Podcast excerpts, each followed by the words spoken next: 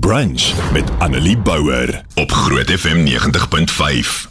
So as jy dit verlede week gemis het, hoe dit werk is weekliks maak ek 'n fake oproep, 'n prank call. Op hierdie stadium het ek mense gebel wat ek ken en baie mense wat gedink het ek gaan nie mense wat ek ken kan uitvang nie want my stem is redelik prominent en mense kan redelik hoor as ek. Maar ek dink as mens mense onkant vang en as jy met hulle Engels praat en hulle verwag dit nie, sal hulle nooit dink dis jy nie en dit het gewerk. Hierdie week het ek besluit om vir ons liefste Doopie, hy is die nuwe aanbieder op die groot trek in die middag tussen 3 en 6, net so 'n bietjie in te lyf hier by Groot FM, net vir hom 'n bietjie welkom te sê. Hy's 'n fotograaf ook. So so rukkie terug was hy by 'n troue in Zanzibar om spesifiek te gaan fotos neem van die troue. En ons het daarvan geweet en toe besluit ek toe hy nou terugkom, weet jy wat? Kom ons kyk of ons hom kan uitvang. Wil jy hoor wat het gebeur? Alles wat volg is nie waar nie. Ek het alles opgemaak. Hy het nie geweet as ek nie. Dit gaan in Engels wees want ek was bang hy gaan my stem erken as ek Afrikaans praat. Ag, weet jy wat? Hier's jou Vrydag lag. Wie praat nou? Doopie se fop oproep of dan nou prank call.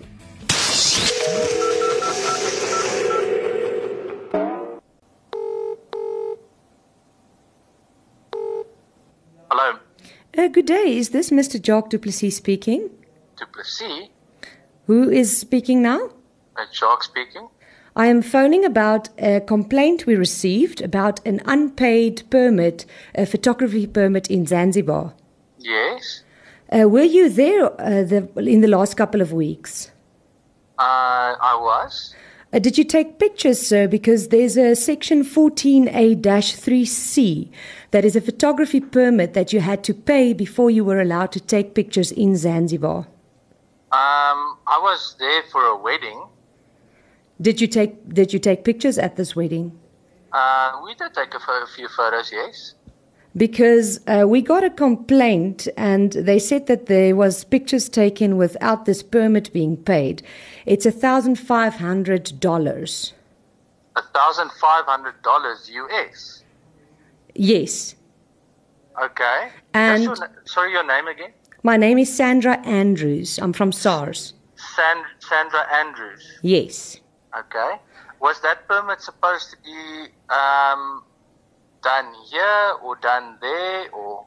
So what it works is you are supposed to um, get the permit from Zanzibar, and then you're supposed to pay SARS a VAT on the price on that thousand five hundred dollars. It's an extra five hundred and fifty dollars. That's strange because I I didn't know about any of this. Uh, but sir, are you a photographer? Yes. How are you a photographer and you don't know about these laws?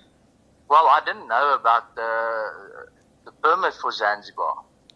Because now that what happens now is there's going to the complaint was received.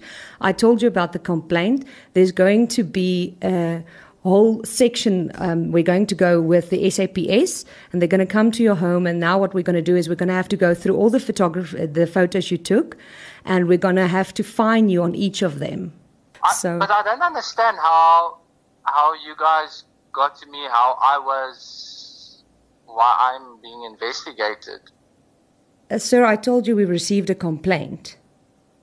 about me specifically. about you specifically. They, they told us that you were in Zanzibar, that you are a photographer, that you took pictures without a permit. It's that That's- sec- section 14A 3C I was telling you about. Yeah. Can can you maybe send me that information as well so I have it? Okay, uh, so this is very, very important. We have to sort this out as quickly as possible. When can you come in with your lawyer for a meeting with us? Um, I guess this this week is kind of out of the question, but it'll have to be early next week. Okay, and I'm going to have to ask you uh, you are not allowed to travel at this stage because you are under investigation. You are not allowed to leave Gauteng. Not allowed to leave Gauteng. Yes. Okay. So, um, but we can try and sort this out, you and me. Well, we have to, please, because like this is a issue that I did not know of. Um, well, we'll have to see about that, sir, because obviously that's what everybody says. No, I understand, but there's all of these complications that I wasn't aware of, um, and now I'm being told that my computer is going to be confiscated and all of these things. Well, sir, you know that if you don't pay tax and permit fees to SARS, you cannot take on the government and think you're going to get away with it. No, I'm not taking on the government, Sandra. Don't and, uh, don't get me wrong, but I I mean in terms of of work and that kind of thing, I've been paying my taxes. But you but, but are you telling me that you cannot come in this week on a on a account this serious? Well, are you are um, you planning to to run away, sir? planning to run away. Sandra, where would I run away from the government with a possible jail sentence? Well, sir, you got a, you thought you got away without paying a permit and taxes at this stage, so anything is possible. Anything is possible. Sandra, is this a is this a joke? Is, are you being serious?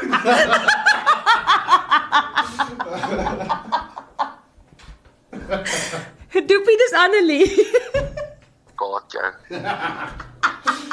Annelie Bouwer, weekoggend tussen 9 en 12 op Groot FM 90.5.